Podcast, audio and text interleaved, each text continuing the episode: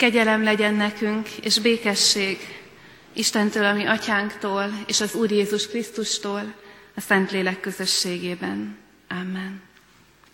Szeretettel köszöntöm a testvéreket mai úrvacsorai és egyben kártya magyarázatos Isten tiszteletünkön, ami segítségünk, Isten tiszteletünk megáldása, megszentelése jöjjön az Úrtól, aki adta önmagát érettünk örökkévaló áldozatul. Amen. Csöndesedjünk el, és forduljunk hozzá imádságban.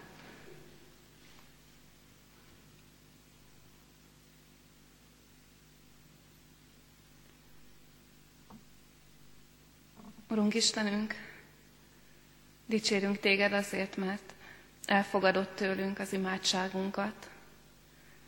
Akkor is, hogyha azt látod, hogy még az imádságaink is megtisztításra szorulnak, ha a kéréseink, a kívánságaink még megszentelődésre várnak. Köszönjük, hogy nem veted el az Isten tiszteletünket, pedig téged mennyei seregek dicsérnek. Sőt, köszönjük, hogy azért is gyűjtesz bennünket össze, hogy megtisztíts, hogy kiváltképpen való népet formálj belőlünk. És látod, hogy azért vagyunk itt, mert erre készek vagyunk, ezt szeretnénk. Kérünk, hogy szent lelked hatalmasan művelje is ezt. Amen.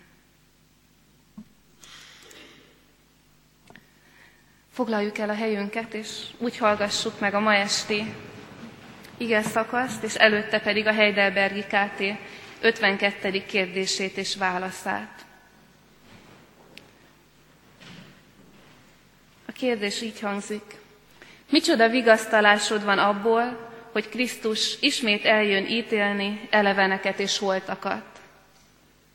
A válasz pedig az, hogy minden nevű háborúság és üldöztetés között is felemelt fővel várom az égből ugyanazt az ítélőbírót, aki előbb értem Isten ítélőszéke elé állt, és róla minden kárhoztatást elve, hogy ő majd minden ellenségeit és ellenségeimet örök kárhozatra vesse, engem pedig minden választottjaival együtt a mennyei örömbe és dicsőségbe magához vegyen. Isten igéjét pedig két helyről olvasom, a jelenések könyve első részének 9. versétől a fejezet végéig, és a 20. fejezet 11. versétől a 15. versig. Én, János, testvéretek és társatok Jézussal a szenvedésben, a királyságban és az álhatatosságban, a Patmos nevű szigeten voltam az Isten igéjéért és Jézus bizonságtételéért. Lélekben elragadtattam az Úr napján, és hátam mögött hatalmas hangot hallottam, mintha trombitáltak volna, amely ezt mondta. Amit látsz, írd meg egy könyvben, és küld el a hét gyülekezetnek. Megfordultam, hogy lássam, milyen hang szólt hozzám, és amikor megfordultam, hét arany gyertyatartót láttam, és a gyertyatartók között az ember fiához hasonlót. Hosszú palásba volt öltözve, mellén aranyövvel körülövezve, feje és haja fehér volt, mint a hófehér gyapjú, szeme, mint a tűz lángja, lába hasonló volt a kemencében izzó aranyéchez, hangja olyan, mint a nagy vizek zúgása. Jobb kezében hét csillagot tartott, szájából két élő éles kard jött ki, és tekintete olyan volt, mint amikor a nap teljes erejével fénylik. Amikor megláttam, lába elé estem, mint egy halott. Ő rám tette jobbját, és így szólt. Ne félj, én vagyok az első és az utolsó, és az élő. Halott voltam, de íme élek örökkön örökké, és nálam vannak a halál és a pokol kulcsai.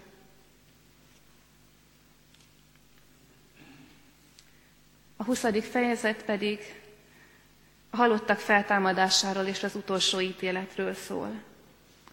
És láttam egy nagy fehér trónust és a rajta ülőt.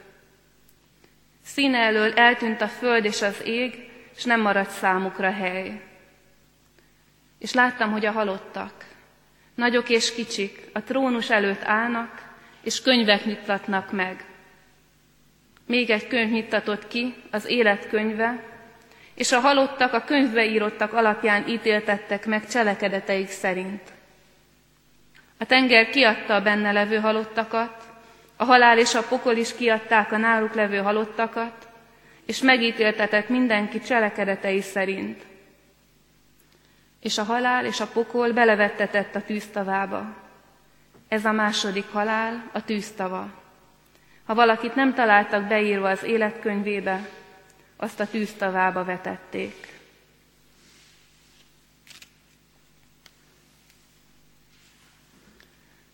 Azt szokták mondani, hogy nincsenek rossz kérdések, csak ostoba válaszok. És egészen biztos, hogy mindannyian átéltük már, hogy időnként nem az visz bennünket előre, különösen ha valamin gondolkodunk, valamivel küzdünk, hogy valaki odajön és jó alaposan megmagyarázza nekünk, nagyon sokszor egy jó kérdés előrébb visz bennünket. Egy újszerű megközelítése a dolgoknak, amikor újszerűen kérdezünk rá ugyanarra a témára, sokszor előrébb visz bennünket, mint sok-sok magyarázat és fejtegetés. És azt hiszem, hogy a Heidelbergi KT-nak ez a kérdése is egészen újszerűen nyúl hozzá a témánkhoz, Jézus Krisztus visszajöveteléhez és az ítélethez. Ahhoz az eljövetelhez, ami már nem lesz olyan szerény, és nem lesz olyan rejtett, mint Jézus betlehemi születése, hanem amikor Jézus úgy jön vissza, hogy azt már mindenki látni fogja. Élők, halottak, és senki nem fogja kivonni magát, nem fogja tudni kivonni magát Jézus hatása és hatalma alól. A Heidelbergi KT erről a visszatérésről beszél, amikor az Isten fia már nem szolgai formában jön vissza, hanem úgy, mint akinek valóban minden hatalom adatot menjen és földön, és mint aki élni is fog ezzel a hatalommal, és azért jön vissza, hogy megítéljen minden élő és újra föltámadó teremtményét az Istennek. És ennek a visszajövetelnek a kapcsán a Heidelbergi KT azt kérdezi, hogy milyen vigasztalást merítezte ebből, hogy Jézus visszajön és ítélni fog. Én azt hiszem, inkább úgy mondom, hogy én azt tapasztalom, hogy legtöbbünkben Jézus Krisztusnak ez a második visszajövetele nem vigasztalást ébreszt, hanem sokkal inkább szorongást. Sokan ki is mondják, hogy számukra idegen, sőt, ijesztő ez a dicsőségében visszatérő Jézus.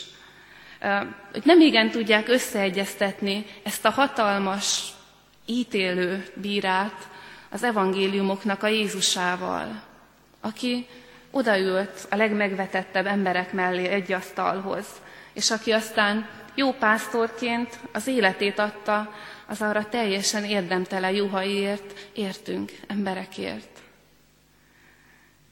És bevallom, hogy én is érzem ennek a feszültségét.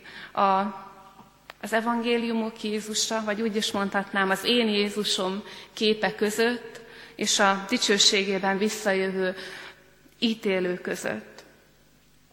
És azt gondolom, hogy nagyon sokszor az a menekülési útvonalunk ebből, hogy nem beszélünk a második visszajövetelről. Meghagyjuk a szektáknak, mert azok úgyis mindig arról beszélnek.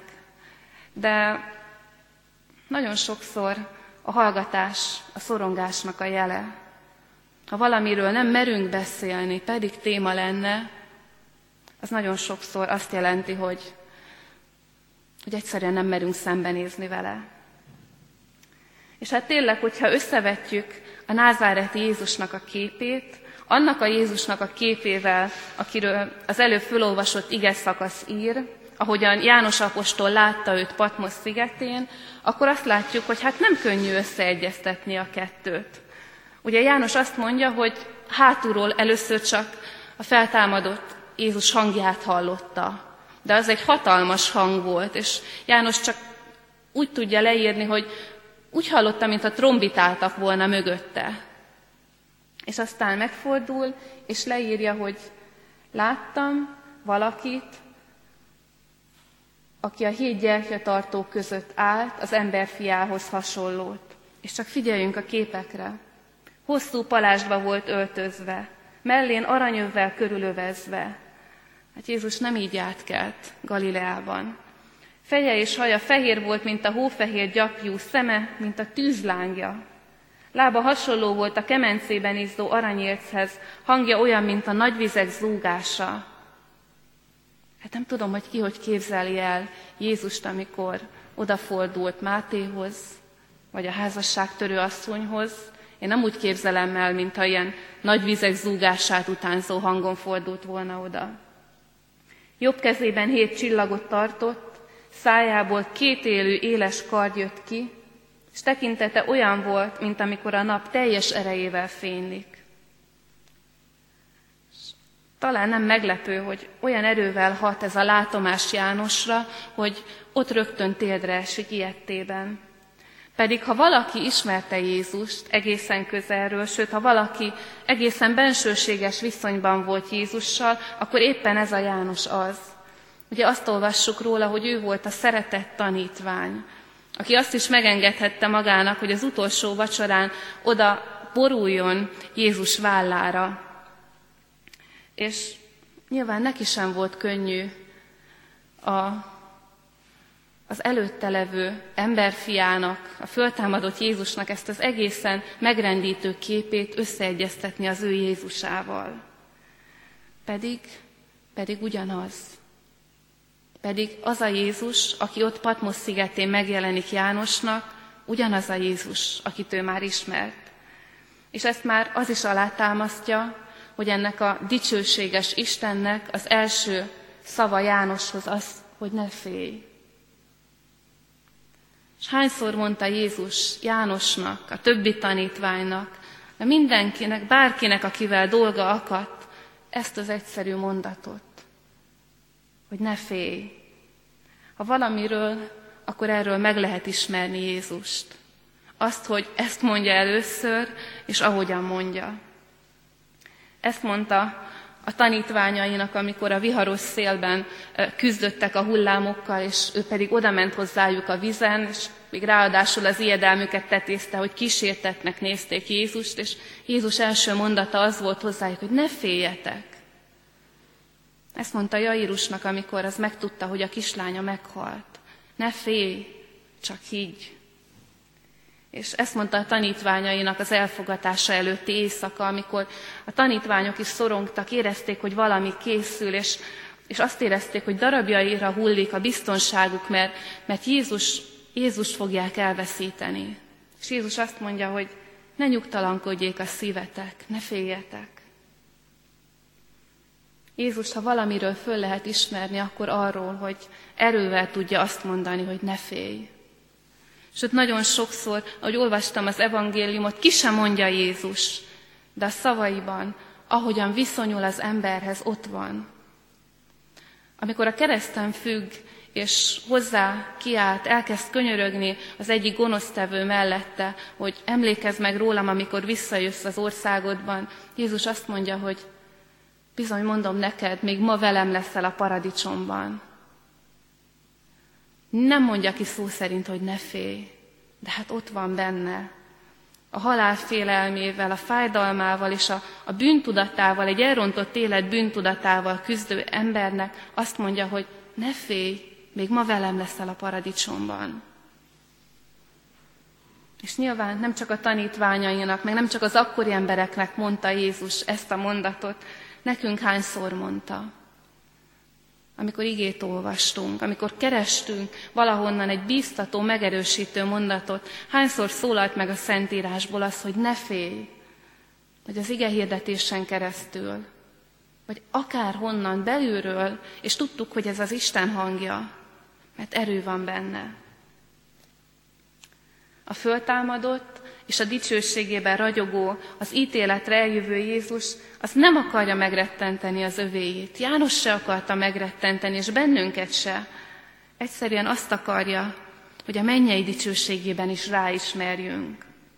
És ezért kezdi úgy Jánosnak is, hogy ne félj. Sőt, én azt hiszem, hogy akármennyire is döbbenetes ez a kép a jelenések könyvében Jézusról, a szájából kijövő kétélű karddal, meg a, a tűzlángos szemekkel, azt gondolom, hogy ez sokkal inkább egy szimbolikus leírás, mint, mint az, hogy így fogjuk őt látni a mennyországban. Um, azt hiszem, hogy János, amikor a jelenésekben látta a föltámadott Jézust, akkor tulajdonképpen ugyanazt látta, amit a Földön látott, csak sokkal élesebben. Ugye azt írja János, hogy olyan volt ennek a Jézusnak szeme, mint a tűz lángja, vagy mint mikor a nap teljes erejével fénylik. De hát ha belegondolunk, a földi Jézusnak a tekintete is áthatolt mindenen. Mint a tűz lángja, mint a nap melege. Mindent látott. Átlátott minden, manipu- minden emberi manipuláció, minden keletszének szánt kérdésen. Ezért nem tudták megfogni a farizeusok meg az írástudók. De ugyanígy meglátta a kétes életű asszonyban az igazi bűnbánatot, és meglátta Zákeusban az Istent kereső embert, amit senki nem látott meg. Mert Jézusnak a földön is olyan volt a tekintete, mint a tűz, áthatolt mindenen. És amikor ma az övéire néz, ugyanígy áthatol mindenen. Látja minden motivációnkat, jót és rosszat, előrevívőt és, és megkötözöttet, mindent. Ereje van Jézus tekintetének. És azt gondolom, hogy ez a kép, ahogy János leírja, ez igazából csak azt jelenti, hogy János most rádöbben, hogy micsoda ereje van Jézus tekintetének hogy micsoda, micsoda látása van az ő urának. Tudta ezt persze a földön is, de most ebben a mennyei jelenésben egészen, egészen átélheti. És elénk is azt gondolom, azért kerül ez a kép Jézusról, hogy lássuk azt, hogy persze, mindig tudtuk, hogy Jézus nagy, de sokkal nagyobb, mint ahogy mi valaha is láttuk.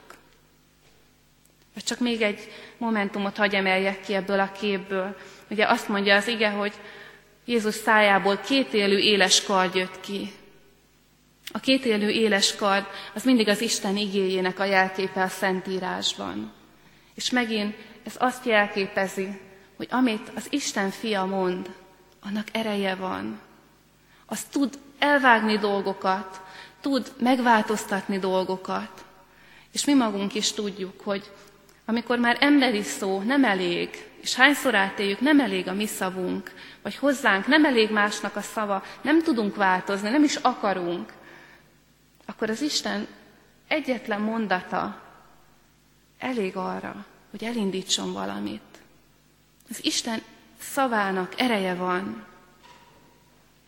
Ezt látja János. Nem tudom, hogy hallottak-e testvérek arról a szovjet színdarabról, amit egyetlen egyszer mutattak be még a dicső Szovjetunió idejében. Az volt a címe, hogy Krisztus fragban. És hát ez is hozzátartozott a, a kereszténységet megszégyenítő vagy megsemmisíteni akaró propagandához. A, a műnek a lényege az volt, hogy kifigurázták a mindenféle hazug és parázna papokat, és az egésznek a csúcspontja az lett volna, hogy kijön egy fiatal színész, Alexander Rostovszevnek hívták, ő a szovjet érában egy feltörekvő fiatal színipalánta volt, és övé volt az a megtisztelő szerep, hogy mikor már a közönség jól kiszórakozta magát a nevetséges és bűnben fetrengő papokon egyházon, akkor kimegy, kezébe veszi a Bibliát, fölcsapja valahol, fölolvas néhány mondatot belőle, aztán megvetően eldobja. És a premiéren ez is történt, bejött a fiatal színész, elő, vagy fölvette az asztalról a kikészített Bibliát, kinyitotta valahol egy Zsoltárnál, és elkezdte olvasni a szerepe szerint. És aztán nem állt meg egy mondat, két mondat után, hanem egyre lassabban és egyre tagoltabban, egyre érthetőbben és egyre megrendültebben olvasta a Zsoltát egészen a végéig. És az addig nevető, ugye már szovjetileg előképzett közönség egészen megdermett. Mert szólt az ige. És amikor befejezte a Zsoltárt, ez a színész, akkor nem eldobta a Bibliát, ahogy a szerepe azt előírta neki, hanem visszarakta az asztalra, térdre borult, és azt mondta, hogy Istenem irgalmaz nekem bűnös léleknek. És utána kiment.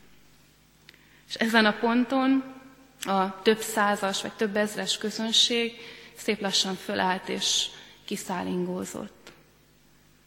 Soha többet nem mutatták be ezt a darabot, mint ahogy soha többet nem látta senki ezt a színészt érthető módon.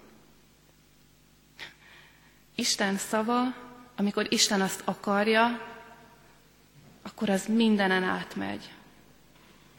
Minden emberi megvetésen, gúnyolódáson, ellenálláson keresztül meghozza a maga gyümölcsét. Ezt látja János, és ez a mennyei látomás Jézus Krisztusról, a visszatérő Jézus Krisztusról, erről beszél nekünk is. Hogy a mi Krisztusunk és a mi Krisztusunk szava még annál is nagyobb, mint ahogy mi azt eddig tudtuk és elképzeltünk.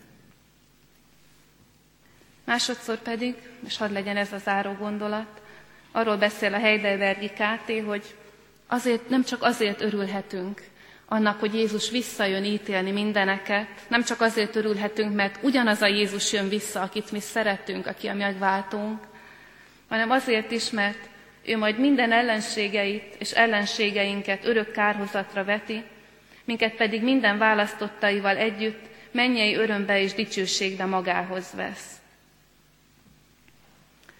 Csiha Kálmán, a néhány éve elhúnyt erdélyi püspökünk, a KT magyarázatában ezen a helyen arról beszél, hogy ha ezt olvassuk, akkor ne a szomszédra gondoljunk, vagy ne valamelyik másik nemzetbelire, vagy bármely más emberre, hanem a legfőbb ellenségre, a bűnre és a sátánra.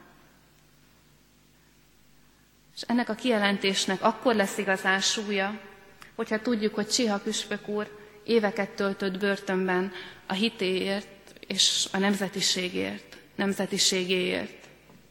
És mégsem arra használta ezt a KT-nek a részét, hogy bosszú fantáziákat gyártson azokról, akit őt meg sok-sok társát ártatlanul megkurcolták, és nem azt mondja erről az ige szakaszról, hogy ha Krisztus visszajön, akkor őket fogja megítélni, hanem azt mondja, hogy a legfőbb ellenséget fogja megítélni. Az pedig nem a másik ember, hanem a bennünk és a közöttünk levő bűn. És ennek az atya a gonosz. Ezért írja a jelenések könyvének a vége, ahogy hallottuk is, hogy az utolsó ítéletnek a végpontja az, hogy a halál és a pokol belevettetett a tűztavába. Én most figyeltem föl rá, soha nem figyeltem föl rá, hogy az utolsó ítéletkor a pokol is belevettetik a tűztavába. Nem marad örökre. Mert a pokol az a, az a valami, aminek nincs helye az Isten országában. És így folytatja János, a halál és a pokol belevettetett a tűztavába, ez a második halál, a tűztava. Ha valakit nem találtak beírva az élet könyvébe, azt a tűztavába vetették.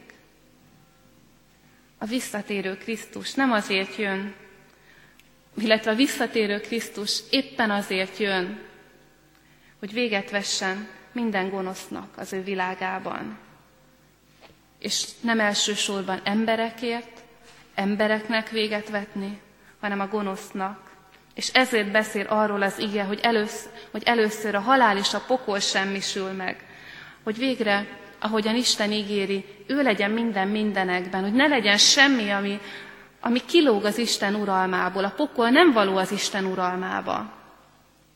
És hogy beteljesedjen az Ézsaiási profécia, ami arról szól, hogy amikor az Isten uralma kiteljesedik, akkor nem lesz már gonosz, ami a legkisebb mértékben is megmérgezi ezt a királyságot. Hadd olvassam föl, akik délelőtt itt voltak Isten tiszteleten, már hallhatták. Mert én új jeget és új földet teremtek, a régire nem is emlékeznek, senkinek sem jut eszébe. Ezért örvendjetek és vigadjatok mindörökké annak, amit teremtek. Mert Jeruzsálemet vigasságra teremtem, népét pedig örömre, Nem hallatszik ott többé sírás és jajgatás. A farkasra bárányjal együtt legel, az oroszlán szalmát eszik, mint a marha, és a kígyónak por lesz a kenyere. Nem árt, és nem pusztít szent hegyemen senki. Csak az megy a halállal és a pokollal együtt, az örök pusztulásba, amit úgy fejez ki a Biblia, hogy a tűz tavába és az örök feledésbe, aki a legvégsőkig visszautasítja az Isten annyiszor kínált szeretetét és bocsánatát. Nem lesz hely az Isten országában, a pokolnak se. És zárásképpen csak azt kérem, hogy időzzünk el egy pillanatra ezzel a képpel, azzal az országgal, ahol Isten lesz minden mindenekben.